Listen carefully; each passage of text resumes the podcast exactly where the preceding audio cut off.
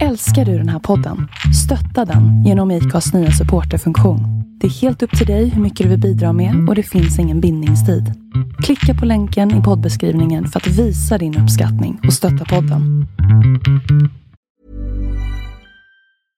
This is Paige, the co-host of Giggly Squad, and I want to tell you about a company that I've been loving, Olive and June. Olive and June gives you everything that you need for a salon quality manicure in one box. And if you break it down, it really comes out to $2 a manicure, which is absolutely insane. It's also so easy to get salon worthy nails at home with Olive and June. The difference between how your nails used to look when you did them yourself and now with the Manny system is a complete game changer. The best thing about Olive and June too is it's a quick dry, dries in about one minute, lasts for five days, and full coverage in up to one to two coats. Visit oliveandjune.com slash perfect manny 20 for 20% off your first system. That's oliveandjune.com slash perfect manny 20 for 20% off your first system. Hey, I'm Ryan Reynolds. At Mint Mobile, we like to do the opposite of what Big Wireless does. They charge you a lot, we charge you a little. So naturally, when they announced they'd be raising their prices due to inflation, we decided to deflate our prices due to not hating you. That's right. We're cutting the price of Mint Unlimited from $30 a month to just $15 a month. Give it a try at mintmobile.com slash switch. $45 upfront for three months plus taxes and fees. Promo rate for new customers for limited time. Unlimited more than 40 gigabytes per month. Slows. Full terms at mintmobile.com.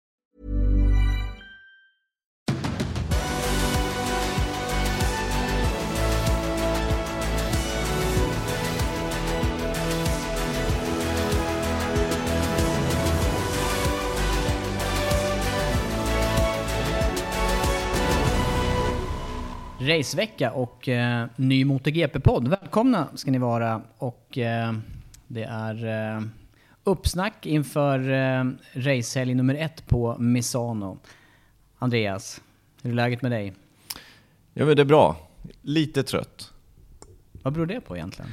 Nej, men jag har arbetat fysiskt i veckan och eh, ja, jag är inte van vid det. På det sättet.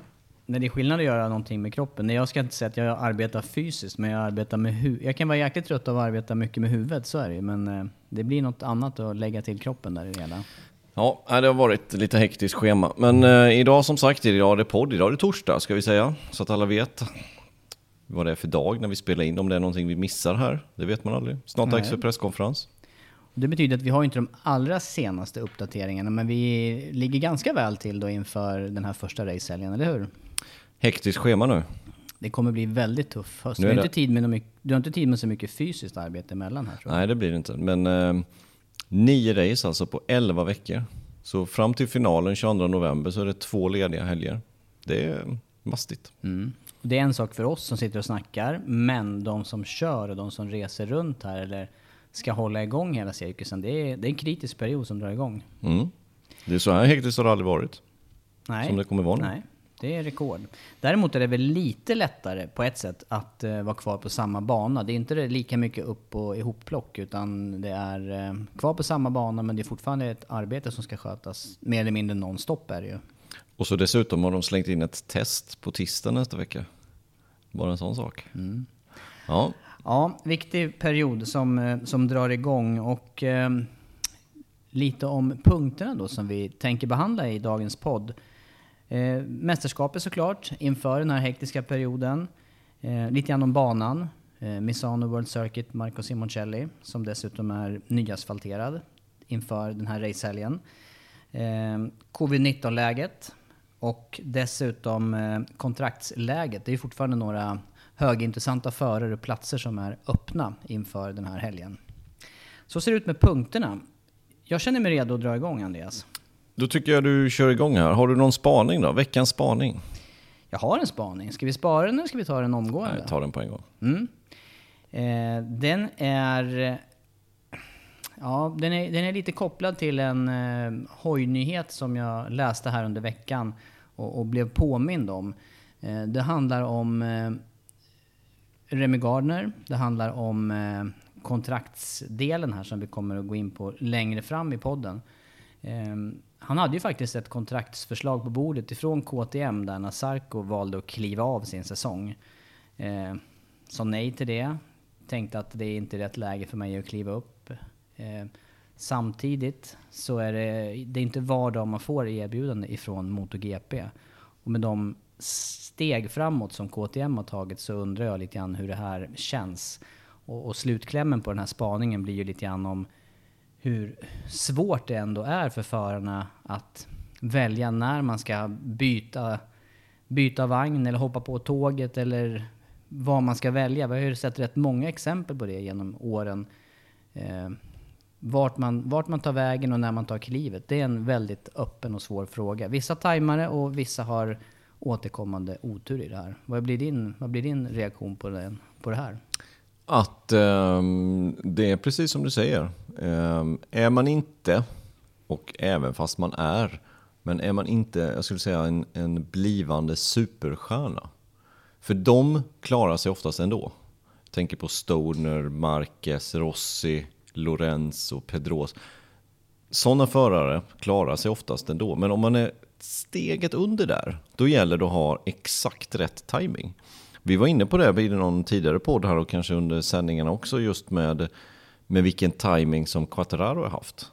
Det har varit hundraprocentigt. Verkligen. Det kan ja. knappast ha blivit bättre. Men det är ju egentligen bara på sista steget här. Det är på sista steget. De andra stegen, han har ju kört för...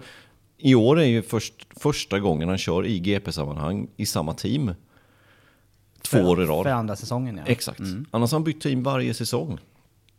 Och eh, det tyder på att varken han eller teamet har riktigt varit nöjda med varandra och inte presterat det som man har kunnat förvänta sig av Quattararo efter att ha varit dubbel spansk mästare då.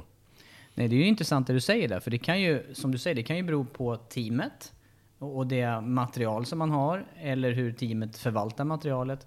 Och i vissa fall kan det bero på föraren och, och kommunikationssvårigheter. Men, men klart är att nu med rätt förutsättningar och i rätt miljö, då har han ju, då har han ju verkligen blommat ut. Trots att han inte är ett fabriksteam. Mm, verkligen.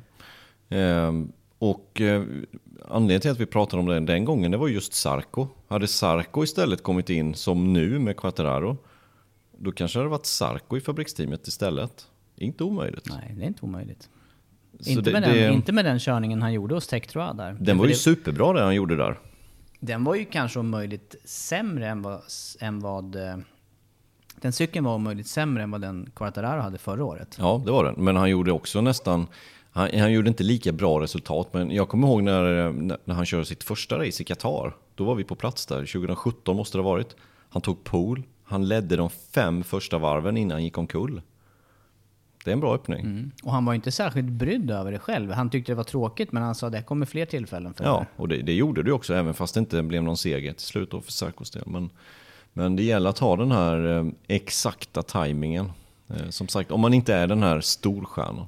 Men som du säger där, det är också på vägen fram till det sista steget. Du, du nämnde några av toppförarna där.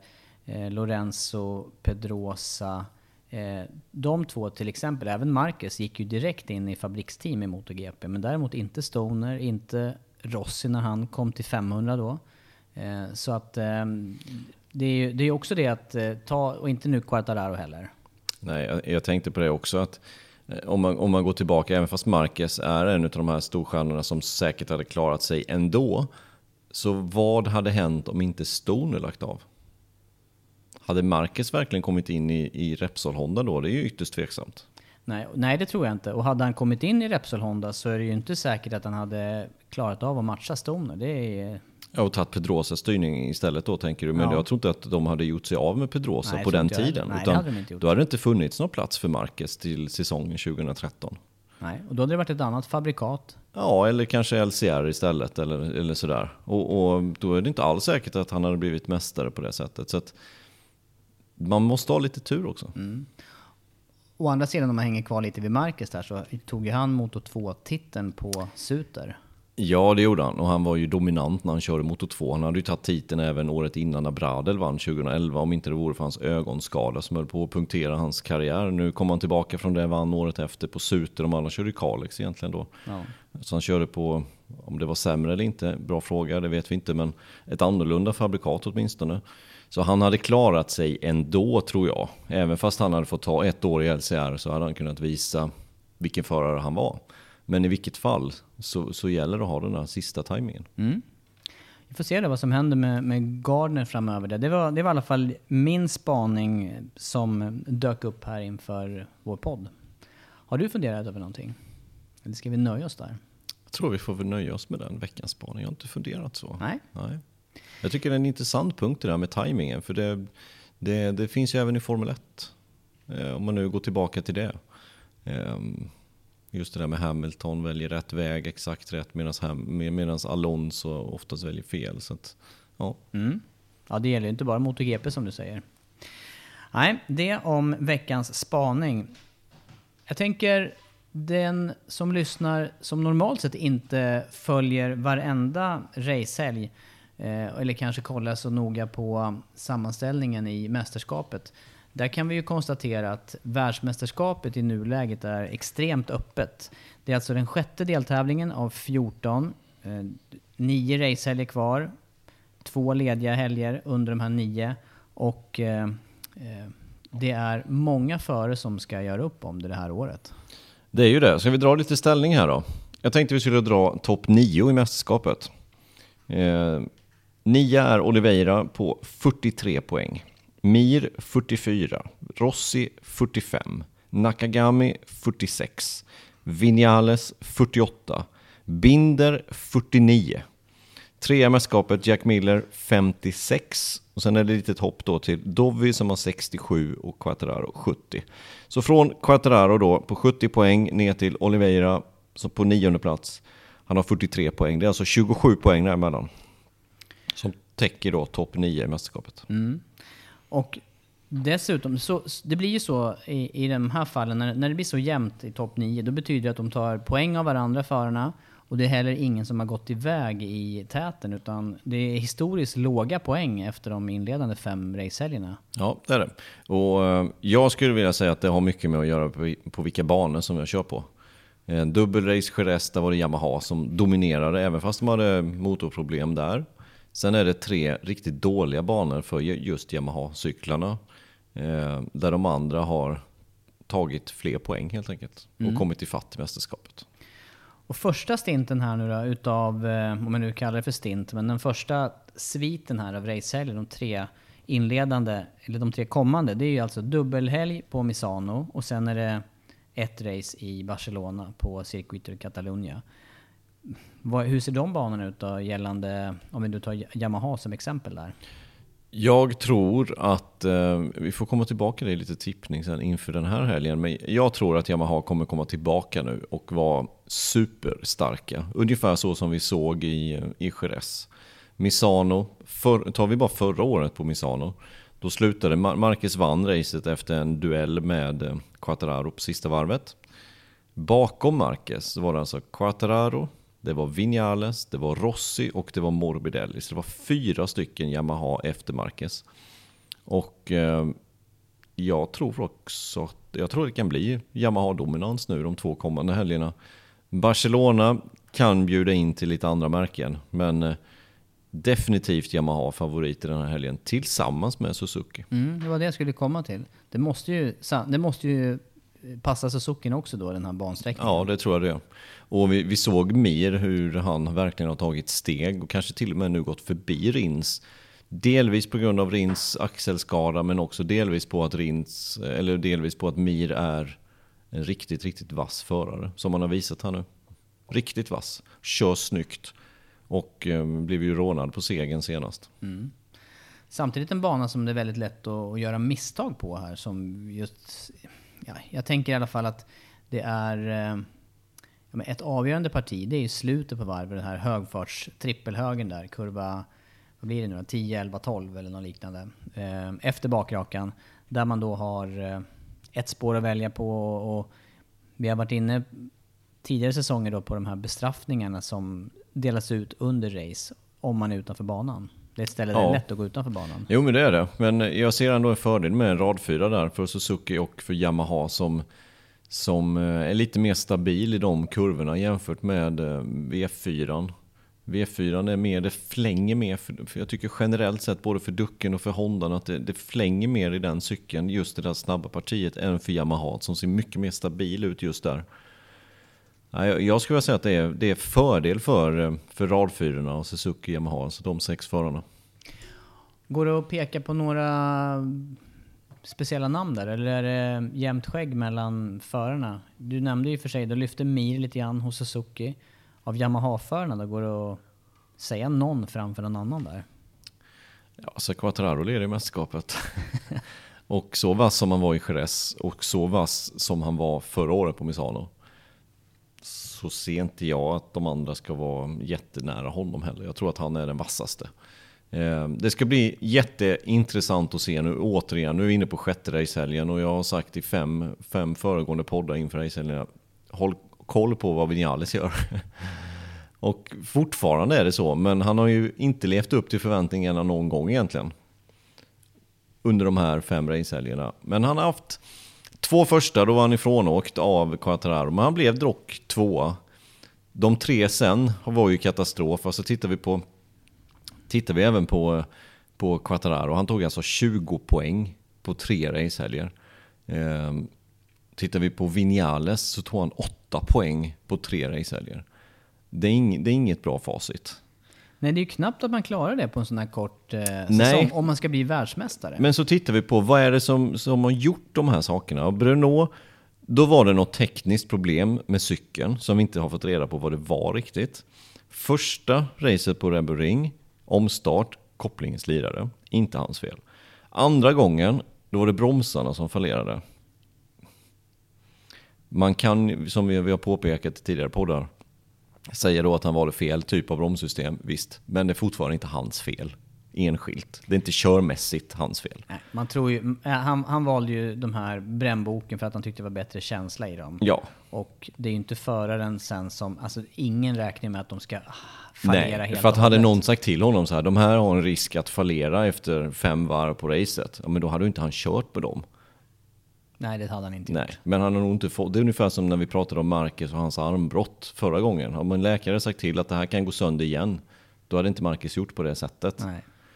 Ehm, så jag tycker inte vi kan lasta eh, Vinales för det heller. Så att han, han har haft lite otur också ska vi komma ihåg. Men sen är det ju frågan, hur kan han studsa tillbaka från att slänga sig av i 220 km timmen på, på Red Bull Ring, komma tillbaka nu i mästerskapet, funderat över det här, var nära på liksom att få en hoj rätt i sidan också, eller två hojar rätt i sidan veckan innan. Hur kan han eh, komma tillbaka från det här? Det är två riktigt nära på grejer Det är ju på det. väldigt kort tid där. Som man, som man själv inte styr över. Och det Nej. där var vi inne på i en tidigare podd där, gällande egna erfarenheter. Det är ju först där, vid de tillfällena som, som jag själv har börjat fundera över hur ska, händer det här igen? Kan det hända mig? Kan det hända en gång? Då kan det hända en gång till och så vidare. Det är lätt att stöta ifrån sig om man gör egna misstag. Sen tycker jag ändå att vi har sett en... Vi har ju lite pratat om hur stark eller svag Vinales är mentalt. Vi har, vi har varit lite tveksamma några gånger från hans just mentala styrka och komma tillbaka från olika saker. Men just när någonting sånt här händer så tycker jag ändå att han verkar väldigt stark. Eh, Det är en annan sak kanske när han ligger i fight mot fight mot Quattararo eller sådär. Men att komma tillbaka för sådana här krascher verkar han inte... Det verkar inte bekomma honom. I alla fall inte vad vi har sett uttalandet utåt. Nej. Utan eh, han verkar vara väldigt stark sådär och bara, nej men det här var, det är bara att gå vidare och släppa det här och gå vidare och, och, och sikta på nästa race. Han verkar vara bra psykiskt form just när det gäller sådana saker. Mm. För hoppas jag för hans egen del, för att klart är att mästerskapet är betydligt öppnare och det har ju även varit lite, det har ju framförts kritik i eh, media och jag tänker framförallt ifrån en tidigare världsmästare, Casey Stoner här, kring om det, huruvida det här är ett världsmästerskap eller inte. Och kritiken har ju egentligen gällt eh, två saker. Det har gällt det här att mästerskapet då inte avgörs över hela världen och att det är ett utvalt antal banor, lite färre om man kör dubbelrace. Och den andra delen är ju att den absolut vassaste i mästerskapet de senaste åren saknas för tillfället. Vad säger vi om det? Vad säger du om det? Ja, vi får nästan ta det i två omgångar här? Ja, det var mycket Tar på en vi, gång. ja, men tar vi första där, att vi inte kör över hela världen. Det kan jag nästan hålla med om och jag kan tänka mig också att en sån som Stoner då, australiensare, kanske det biter på lite hårdare också. Att om, man, om man bara ska köra i Europa menar du? Ja, exakt. Mm. Vi kanske hade sagt samma sak om det hade avgjorts på Phillip Island och Eastern Creek, eh, to- 12 race. Ja, kanske. Eller Nya Zeeland när man inte hade någon covid-19. Ja. Då kör man någon sån här vad, vad heter de här landsvägsloppen där? Christmas, de har ju någon sån här julkupp där med, ah, ja, nu, nu spår, spårar jag iväg. Ja, men, eh, men då kanske vi hade sagt ungefär samma sak. Att det här är inget värdigt världsmästerskap. Men sen ska man ändå komma ihåg att i Europa de flesta banorna ligger och vi hade ändå kört i Europa. Ja, hur många banor är det i Europa nu då? Hur många banor är det utanför Europa? Är det sex utanför eller vad är det nu? Det är 12-13 race i Europa och resten utanför, något sånt. USA och Argentina. Och sen har vi den trippelheaden plus Thailand. Visst är det så? Och Qatar också. Det är sju stycken. Ja. Har vi någon mer? Nej, jag tror det är det. Nej. Sju. Ja. Då är det sju utanför Europa och 13 i Europa då, skulle det varit. Ehm, så de flesta körs ju ändå i Europa ändå. Qatar har vi kört i dessutom, eller åtminstone i de mindre klasserna. Så att jag tror man får, jag håller, jag håller med delvis med att det är inget värdigt världsmästerskap på grund av att vi inte kör i hela världen. Men det här är en pandemi, det är en global pandemi. Man får göra det bästa av situationen. Vi måste komma igång. Vi var tvungna att komma igång med MotoGP för att inte människorna som jobbar med MotoGP skulle gå under. Ja. Team, media, förare och vad det är för någonting allt. Jag skulle ju kunna tycka, eller jag tycker att eh, det som är positivt och va, varför man kan kalla det ett värdigt mästerskap, det är ju också att det är, man har fått ihop ett antal deltävlingar. Om det körs nu enligt plan ända in till och med Portimao, då är det ju ändå en, eh, då är det en rejäl, ett rejält antal tävlingar tycker jag. Ja, Så att man inte går ner under 10 eller ännu färre. Men jag tror dock att man kommer ändå komma ihåg året 2020 som lite speciellt på grund av att man körde de här dubbelracen, samma bana, eh, färre antal banor eh, och så 14 race till slut då, som skulle bli, kanske 14, vi är inte klara med säsongen än. Men det skulle varit 20, så jag tror ändå man kommer komma ihåg den här säsongen som speciell. Men det är ju inte riktigt som, jag vill, jag vill Ja, jag minns inte hur han formulerade sig, Stone, men det här med att köra samma bana två helger i rad. Vi kikar lite grann på resultaten hittills på, från Österrike och ifrån Jerez. Och det var ju väldigt få förare som höll sig på samma nivå där. Jag är förvånad ändå över hur omblandat eller eh, Jo. förändrade resultaten är ändå. Exakt, men det, det, det kan ju vara någonting som stödjer hans teori då. Hade verkligen Oliveira vunnit andra Red Bull Ring om det bara hade varit ett race där? Troligtvis inte. Alltså du menar han hade inte vunnit den första racehelgen? Han hade inte varit där? Nej, för att de, som, de förare som är, nu ska jag inte säga sämre, men de som inte riktigt... Hur ska jag uttrycka mig då? Men jag, tror, det jag tror att du fiskar efter det, det är ju det här att det är svårare att ta den här sista tusendelarna som Ja. de absolut snabbaste är, där de är. Ja. Medan de andra fortfarande kan mata på en helg till där och komma närmare. Exakt, och det är det som är grejen med hela MotoGP-mästerskapet. Man kör på en bana och så förflyttar man sig. Det gäller att vara bra direkt på FP1. För är man inte det, då är man inte med den helgen. De här lite slow starters, de är inte med helt enkelt. Det går inte. Men får man en helg till, ja då hinner man fila, fila, fila, fila, fila, få den här sista känslan och då kan man vara med. Och det är vi inte riktigt vana vid i det här mästerskapet. Utan det är ett race. Och sen så om du hittar tempot på söndag eftermiddag, jättebra, men det kan vara för sent. Sen åker vi vidare till nästa bana. Då gäller det att vara med då istället. Ehm, ja, Kanske kan ge lite luft åt de här förarna då som eh, inte Mm. är så snabba i övrigt. Alltså det, det kan ju också göra det här att eh, till nästa år då man kör en racehelg att man, man har dragit lärdom eller vet vilka steg man, man behöver ta under en, en och samma racehelg. de lyfter sig direkt helt enkelt. För det, för det är en speciell förmåga de förarna som kan gå ut och kötta direkt på första träningen. Stoner är ju en sån förare. Exakt, Stoner är verkligen en sån. Och det finns ju många andra förare i dagens startfält. Marcus är ju sån. Han, han kan ju köra på tredje flygande varvet, FP1, så kan det ju gå racetempo. Och det är inte många som, som reder ut just den och har den förmågan. Men den förmågan måste man nästan ha om man ska vara högst upp på söndag sen. Sen, sen kommer vi till det andra då, med Ja. Marquez. Ja. Att han Eh, saknas. Att han saknas. Och eh, det har vi ju diskuterat innan. När onsdagen innan första racehelgen i Jerez, då var det test. Eh, Då var alla hela vad jag vet. De flesta var även hela på fredagen när man började racehelgen. Eh, Då var alla på lika villkor. Sen det som hände efteråt, det händer efteråt. Och det har inte med mästerskapet att göra. Nej, det hade hänt vilket år som helst. Ja. Eh, det som Stoner fortsatte sitt resonemang kring, det var ju just det här att det är just den absolut snabbaste som saknas då. Och man vet inte då hur snabba de här förarna är på riktigt. Nej. Nej, alltså, För att det, det finns ingen som drar isär fältet på samma sätt. Det finns ingen Nej. som pushar eh, gränserna. jag, jag håller med i det. Jag håller med i det. Men man kan fortfarande inte säga att det inte är ett värdigt mästerskap. För det är det fortfarande. För Marcus hade precis samma möjligheter som alla andra. Men, men det är klart att när vi är i det läget som vi är just nu med Marcus som är så pass dominant. Som sagt, när han kör upp sig genom fältet i första racehelgen upp till en tredje plats innan han kraschade. Det såg ut som att han var ute med motor 2 och körde. Det var ju på den nivån var det. Så överlägsen var han ju. Och det är klart att om en sån förare saknas så saknas det ju någonting i mästerskapet. Och, ja, har vi sett sån här dominans innan? Ja, det, det är kanske när Rossi var som vassast där 01, 02, 03, 04 någonstans där. Ja, Han gjorde ju något sånt race på Phillip Island vet jag. Han fick gul flagg. Ja, han körde om under gul flagg och körde in den här bestraffningen och vann med ytterligare fem sekunder. Exakt. Då var han ju, då var han ju, då fick vi ju se hur fort han kunde åka. Ja. ehm, men det är ju sällan vi har en sån som är så pass överlägsen som Marcus var i det racet åtminstone.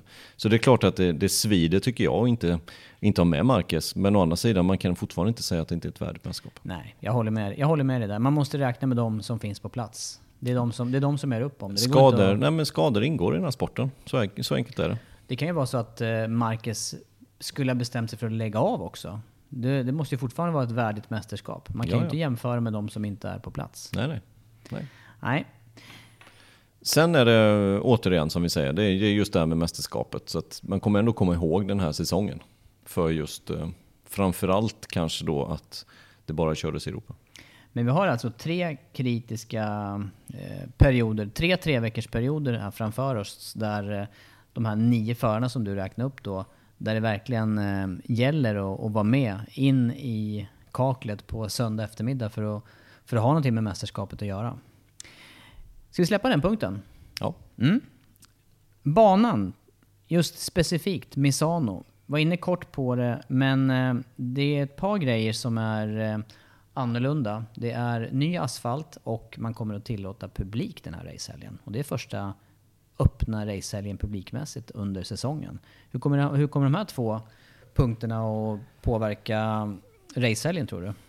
Jag tror inte att publiken kommer påverka speciellt mycket. Jag tror det kommer bli eh, kul för förarna att se lite publik. Vet du om det kommer vara några skärmar runt banan? Nej, det vet jag däremot inte. Och jag vet inte heller hur de kommer att sprida publiken. Men det finns, ju gott, om, det finns ju gott om publika ytor och gan, Ja. ganska, eller väldigt gott om uppmärkta ytor också runt Exakt, det är många sittande, sittande mm, Och det är inte åskådarplatser. de här, det är inte Mugello där det är liksom fri sittning på grässluttningarna Nej. som gäller. Utan här går det ju faktiskt att styra publiken till Ja, rätt sektion, rätt eh, ruta att sitta i. ja, exakt. Och så sa du Mugello, det är Mugello i helgen också fast det är tyvärr fel sport. Det är tyvärr fel sport. Jag är spänd ändå på att se F1 över krönet i slutet av rakan där. Även om det är Även om det är ingen risk att de flyger iväg så är det ändå en, jag tror att det är en spännande upplevelse att sitta på asfalten och komma över det där krönet. Ja, det tror jag också. De lär ju hålla stumt en bit till där. Det lär de göra, ja ja ja. De bromsar när det är 75 meter kvar något liknande. Ja. Och så är det ju ganska snabb kurva 1 blir det ju i deras fall. Ja. Och svänger antagligen bara in där. Det är bara lätta lite på gasen. Ja, ja.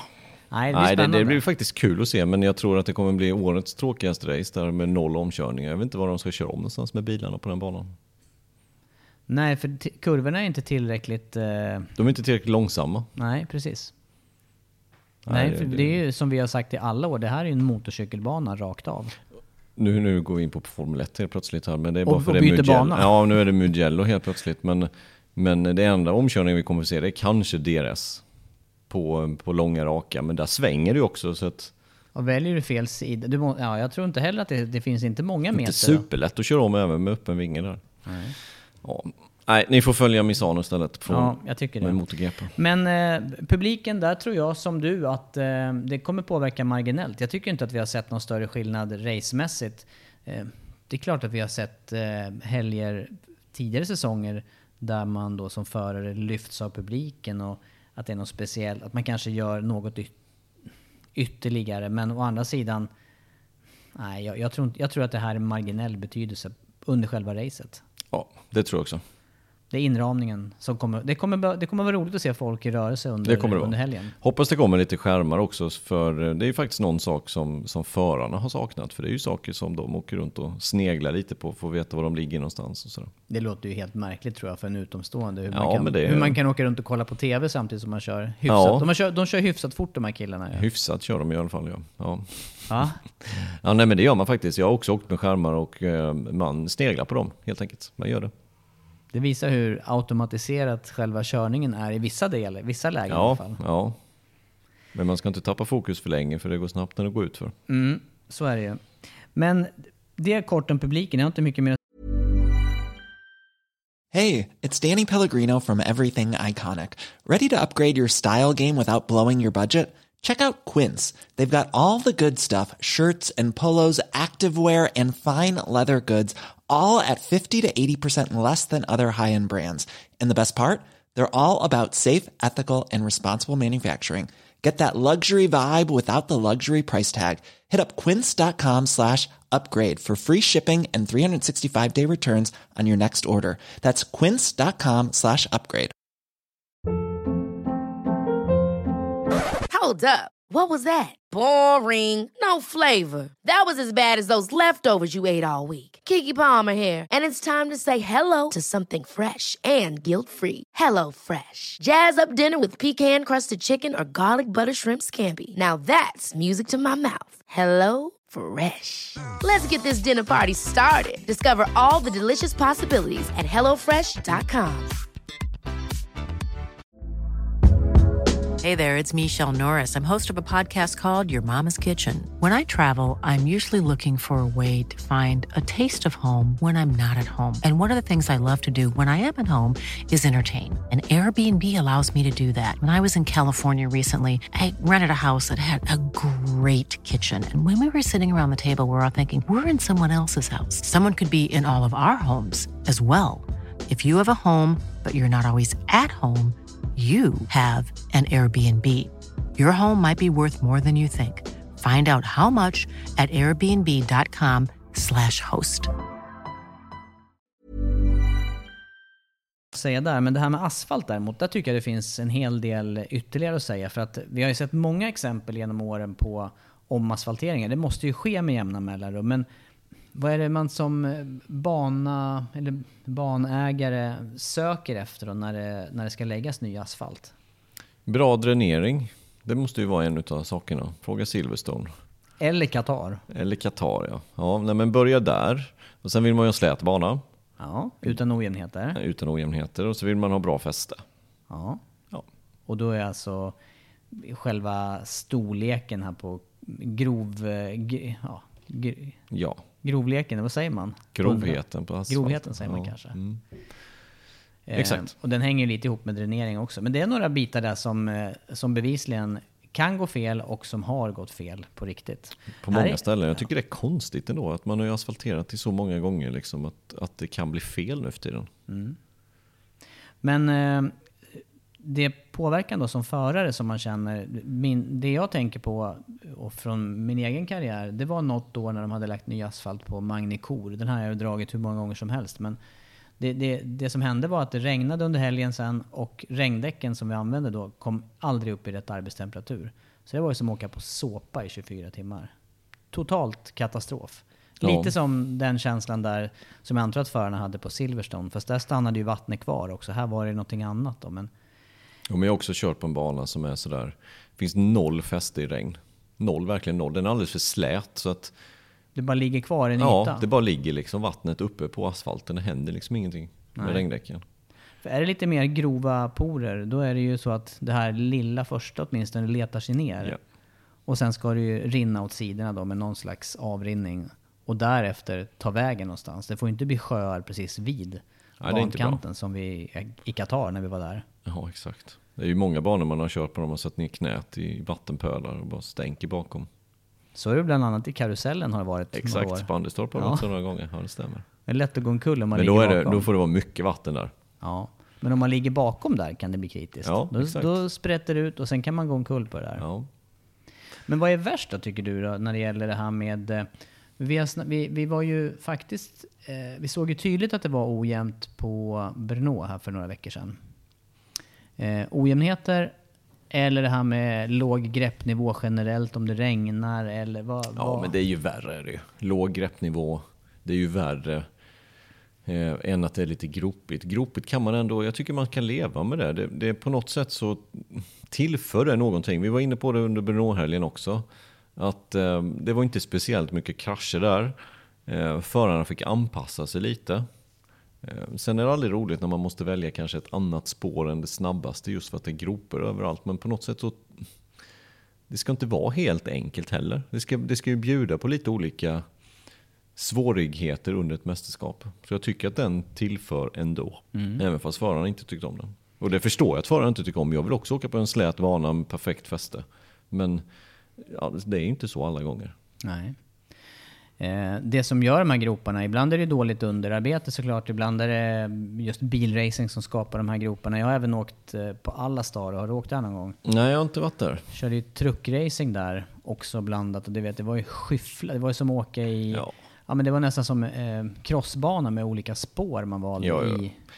Men, men så är det ju. Jag har ju åkt eh, i den klassen jag körde, Superbike, där gick ju tillsammans med STCC i många år och eh, det är ju två incidenter, eller två grejer som jag verkligen kommer ihåg. Första är ju, ja, det, det som absolut, som man verkligen kommer ihåg, det är ju, det är ju på Knutstorp något år när, när jag, jag, jag, Efter jag, jag är första- smålig, för jag, Ja, jag vet inte om jag har hört den här, men jag... Jo, men jag har ju berättat den flera gånger. Men efter första dagen liksom med träningar och sådär så, så var det lite ojämnt. Bro- Bilarna helt enkelt skyfflat asfalten framför sig.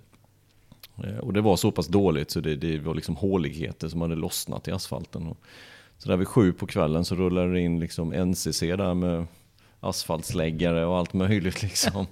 Rev upp den här asfalten över kvällen, natten, la ny asfalt och sen körde vi på den då dagen efter. Och det var halt, det var på riktigt halt. Eh, För då hade de sandat den också. Perfekt. Det är superbra. Så det var liksom noll fäste. Det var visserligen bara två svängar men fortfarande så var det ju, det var ju två svängar som var rätt dåliga där kan man ju säga. Vilka svängar var det då på banan? Det var ju på baksidan där vid tornet, i den vänstern och sen vänstern upp för backen där. Upp för krönet. Där man kommer fort in i den vänster? Ja, och där fick man ju köra det ganska lugnt då. Men, men då såg man också, då blev det ju lite annorlunda. Vinnare den racehelgen också. Eh, om inte jag minns fel så var det just David Andersson som vann då. Han var ju grym i regn och han var grym på att starta och sådana saker. Svensken. Exakt. Eh, och han vann det där racet när det var väldigt svåra förhållanden och eh, det är ju sådär. Eh, att när det är perfekt fäste då blir det ofta ett förutsägbart resultat också. Ja, ja, jag vet, jag vet även en annan grej som vi inte har nämnt här. Men eh, Le Mans som jag åkt många gånger, det gick ju för övrigt nyligen också. Där, eh, där filar man ju av en, eh, ett krön på bakrakan. Där det var, en, det var en svår olycka faktiskt i samma skede, eller runt den perioden som jag körde där. För att där gick cyklarna på bakhjulet på sexan i slutet på rakan där. Men det, det hyvlade man av vid någon omasfaltering. Och just Le Mans, den var ju dessutom som sämst så var det ju tre olika typer av asfalt runt den här fyra kilometer långa slingan. Och, Ja. helt olika känsla på de här delarna. Och, och adderar man på lite regn och kyla där, vissa 24 timmars, det var ju som att åka på någon så här lapptäcke. Alltså man fick ju gissa sig fram hur man skulle köra. Ja, Det är, det är inget vidare. Men, men som du säger, det adderar ju till. Men Det det, det det. blir mycket chans också. Eller mycket slump vem som står hela racet igenom. tar vi en, eh, en svensk bana som är likadan så är det Karlskoga. Det är också sådär, det är också lapptäcke överallt. Gropigt på ena sidan och sen kommer det till en slät eh, yta och sen så blir det gropigt igen. Och, och även där har de ju lossnade stora sjok en gång ifrån Porsche var det då som, som körde där samtidigt i inbromsningen efter rakan. Så fick man hålla sig ifrån dem där. Ibland stod någon kon där i mitten en gång.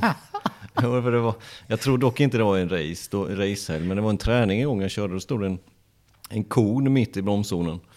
Men du, det Eh, där jag då sett, jag tror en- att det där var utbildningssyfte Andreas. Det var nog att de skulle utbilda dig vart du skulle ta du skulle Apex. bromsa Ja, någonstans. bromspunkt och Apex och sådana saker. Ja, nej, det var inte det. Det stod en kon där, för då var det, då var det någon halv kvadratmeter asfalt som saknades just där. Så kör inte där, och fick man inte göra. Då fick man ligga två meter in till höger istället till inbromsningen.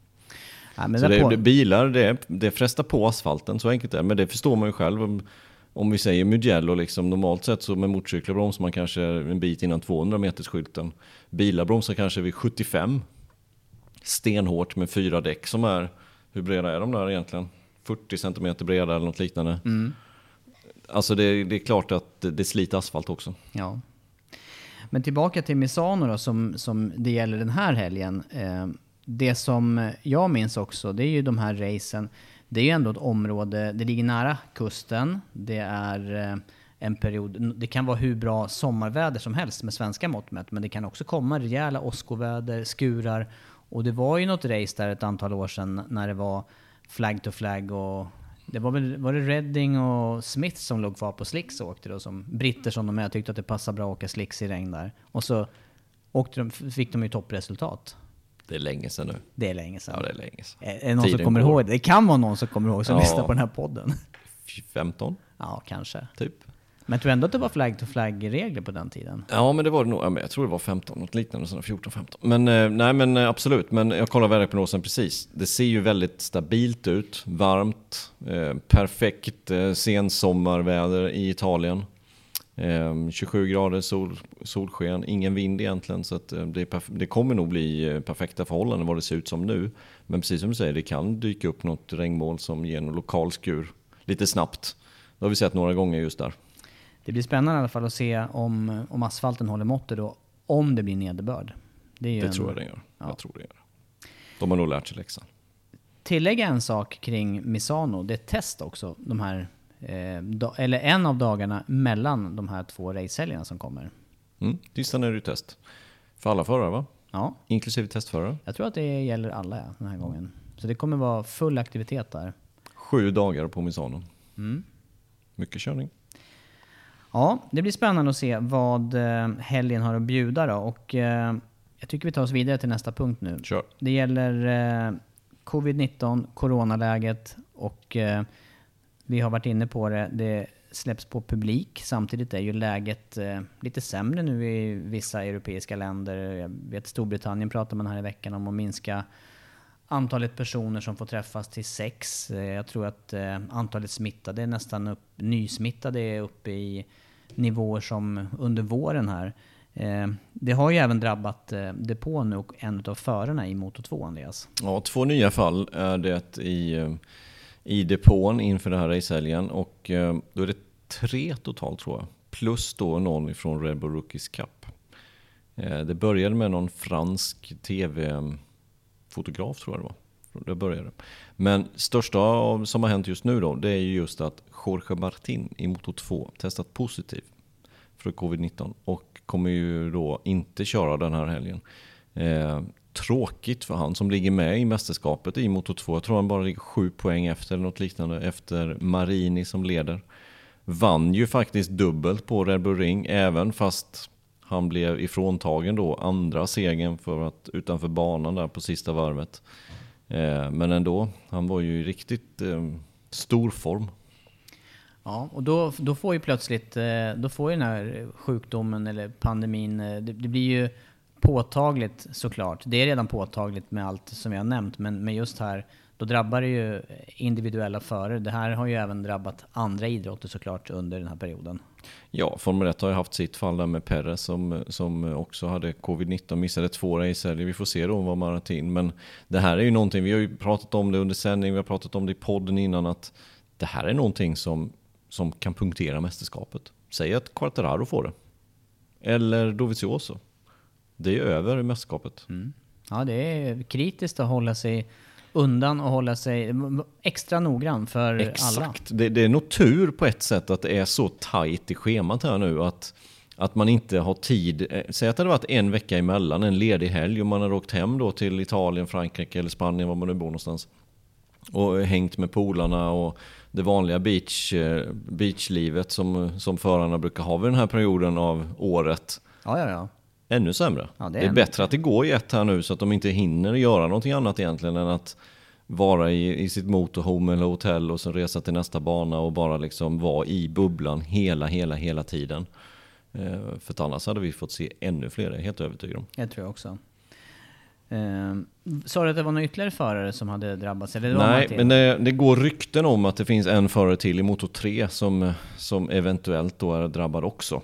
Eh, men det är inget officiellt och du vet inte vem det är. Nej, det, är, det här är ju någonting som mästerskapet och länder och världen i stort kommer att få hantera här. Och, och tills det finns ett fungerande vaccin, tills det här vaccinet är distribuerat och tillgängligt och dessutom då eh, har kunnat ges till så många så att det blir en allmän immunitet så är det ju, ja det är, det är en bit bort. Kommer att få, Ja. kommer att få flera tillfällen att, att prata om det här tror jag. Ja, men Martin är alltså delad tvåa i mästerskapet. Åtta poäng, inte sju som jag sa tidigare. Han är åtta poäng efter Marini. Eh, och ryktas till MotoGP nästa år. Det här kanske är sista året i Moto 2. Han är mästare redan i Moto 3. Det är ju tufft att kanske då tappa en eventuell titel, åtminstone en titelchans på en sån här grej. Men som sagt, 2020 är så här, det är bara att acceptera. Och hade det här hänt i början av året, då hade det kanske inte blivit något race, men nu måste ju the show must go on. Mm, ja. ja, jag tycker det här leder oss in på avslutande punkten då som eh, är kontrakten för fortsättningen i, eh, i eh, framförallt MotoGP. Då. Du nämner Martin där som en påtänkt kandidat. De styrningar som fortfarande är öppna det är ju till exempel Pramac Ducati, Fabriks Ducati och sen är det ju Petronas Yamaha som eh, än så länge inte är 100% officiella med vilka förare som kommer sitta där. Det börjar florera massa rykten, har du märkt det? Ja, är det är det på grund av liksom att eh, det har varit lite stiltje nu och journalister har lite lite att skriva om eller?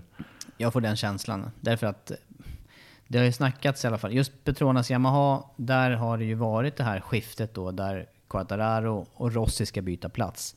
Men med en förare som Rossi, vad jag förstår då, så är det ju så många steg och så många bitar som ska vara på plats innan man kan eh, slutgiltigt eh, skriva under de här kontrakten. Så att jag tror att det är där det är, där det, det är därför det har tagit tid.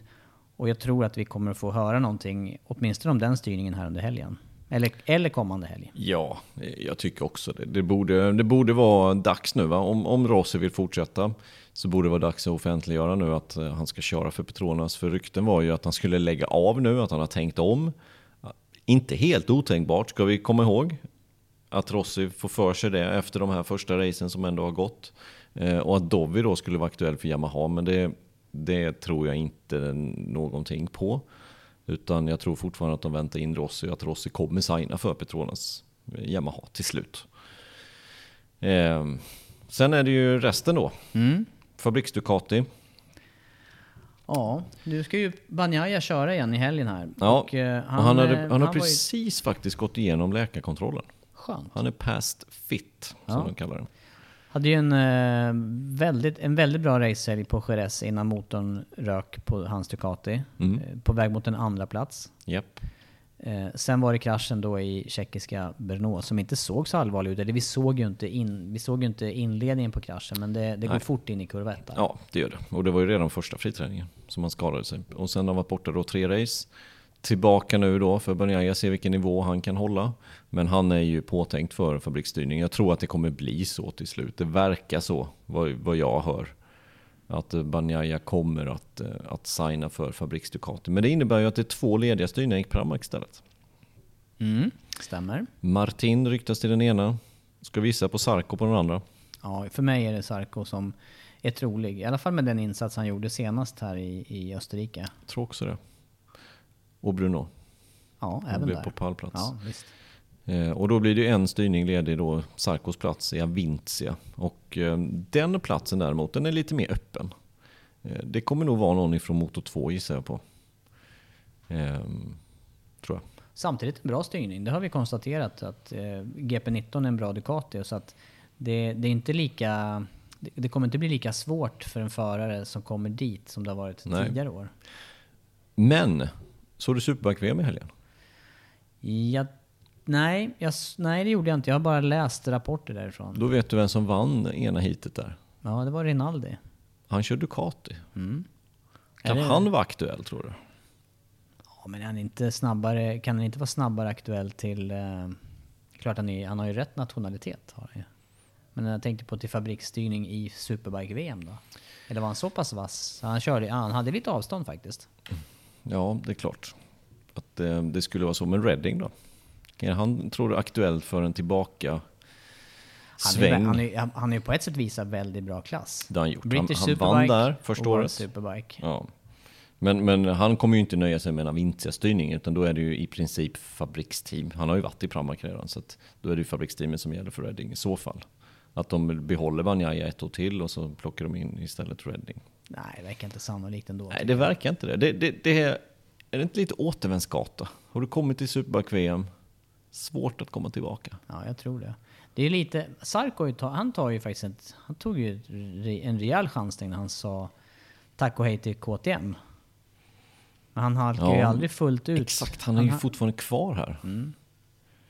Ja, nej, men jag hade ändå velat se Redding tillbaka på något sätt. Alltså, mm, Nu, han- är ju han är ju- cyklarna, nu är cyklarna jämnare. Jag tror han har mera att jag tror också det. hämta. tror också det. Han är snabb alltså. Mm.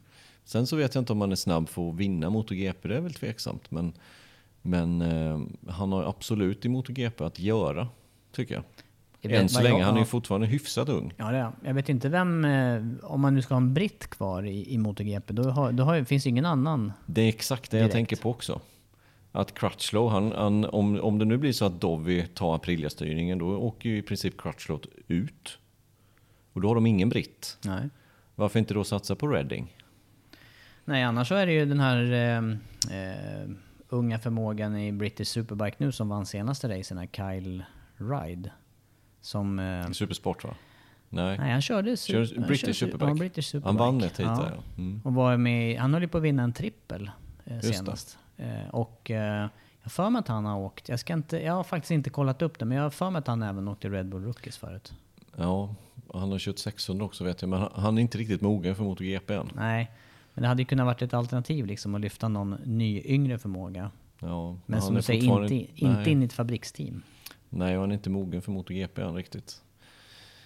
Nej, alltså är jag, tror, jag tror ändå att funderingarna går med Redding faktiskt. Just det du säger med Britt. Dorna vill ju gärna ha en britt i MotoGP såklart. Eh, Storbritannien är ett stort land tv-tittningsmässigt i MotoGP. Och ett stort Utan- land med sporthojar också. Det. Exakt. Stor befolkning. Så det är klart att Dorna vill ha en britt i, i högsta klassen.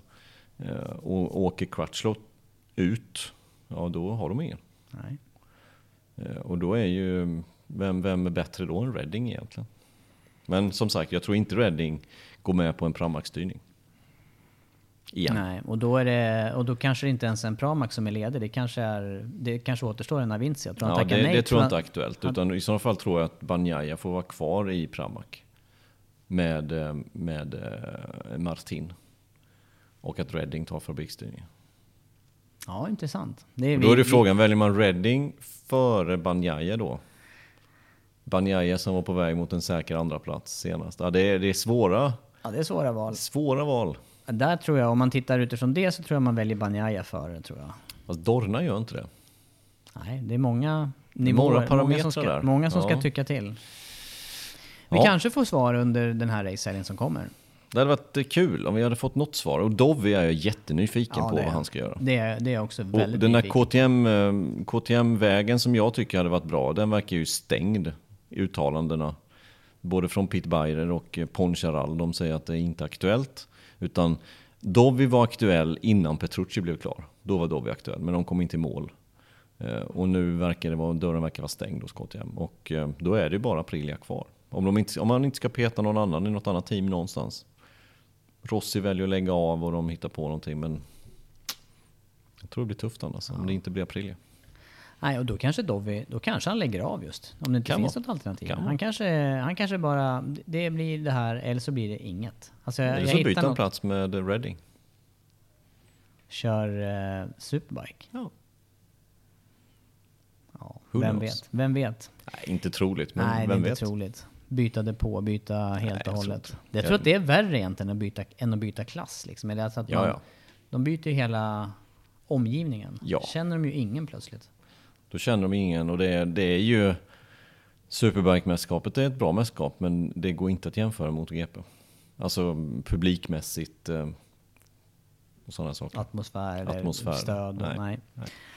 Nej, vi kanske får se mer den här helgen, eller åtminstone till Misano 2 då. Och eh, avslutningsvis Andreas, topp tre.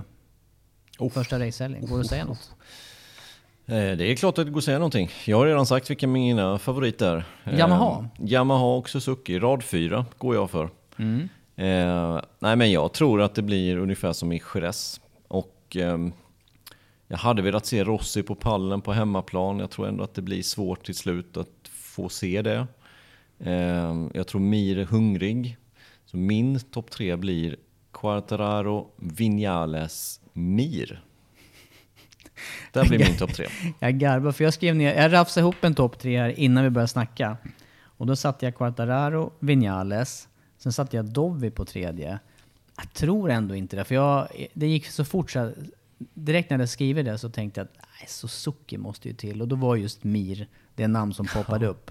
Men jag får stå kvar vid Dovizioso här då och hoppas att han eh, jag- för mästerskap. Men, jag- men jag tror egentligen inte Nej. det. Jag, jag tror att så nära Dovi är mästerskapsledning nu med tre poäng kommer han inte vara resten av säsongen. Jag tror att han kommer dala nu. Eh, det är min, min, eh, vad jag spår framtiden här. För eh, han hade sina bra race, det har vi pratat om. Bruno, Red Bull Ring, Red Bull Ring. Absolut bästa banorna. De har varit nu. Han levererade ett utav de racen. Eh, tog de här poängen, men han hade behövt ha en 20-30 poäng ledning med det här laget om han skulle klara sig. Jag tror att nu kommer det att bli tufft för Ducati. Och Mm. Ja, ja. framförallt för Dovi. Jag är benägen att hålla med, trots att jag, satt- att, trots jag satte honom på Det hade varit kul. Han är ju bara tre poäng efter och ska han vinna mästerskapet, ja, åtminstone på Ducati, då är det det här året som gäller.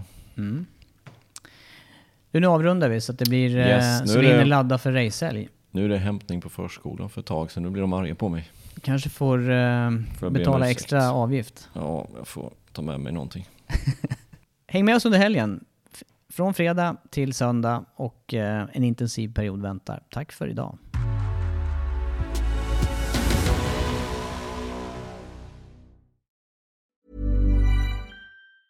Hey, it's Danny Pellegrino from Everything Iconic. Ready to upgrade your style game without blowing your budget? Check out Quince. They've got all the good stuff shirts and polos, activewear, and fine leather goods, all at 50 to 80% less than other high end brands. And the best part? They're all about safe, ethical, and responsible manufacturing. Get that luxury vibe without the luxury price tag. Hit up quince.com slash upgrade for free shipping and 365 day returns on your next order. That's quince.com slash upgrade. Hi, I'm Daniel, founder of Pretty Litter. Cats and cat owners deserve better than any old fashioned litter. That's why I teamed up with scientists and veterinarians to create Pretty Litter. Its innovative crystal formula has superior odor control and weighs up to 80% less than clay litter. Pretty Litter even monitors health by changing colors to help detect early signs of potential illness. It's the world's smartest kitty litter. Go to prettylitter.com and use code ACAST for 20% off your first order and a free cat toy. Terms and conditions apply. See site for details.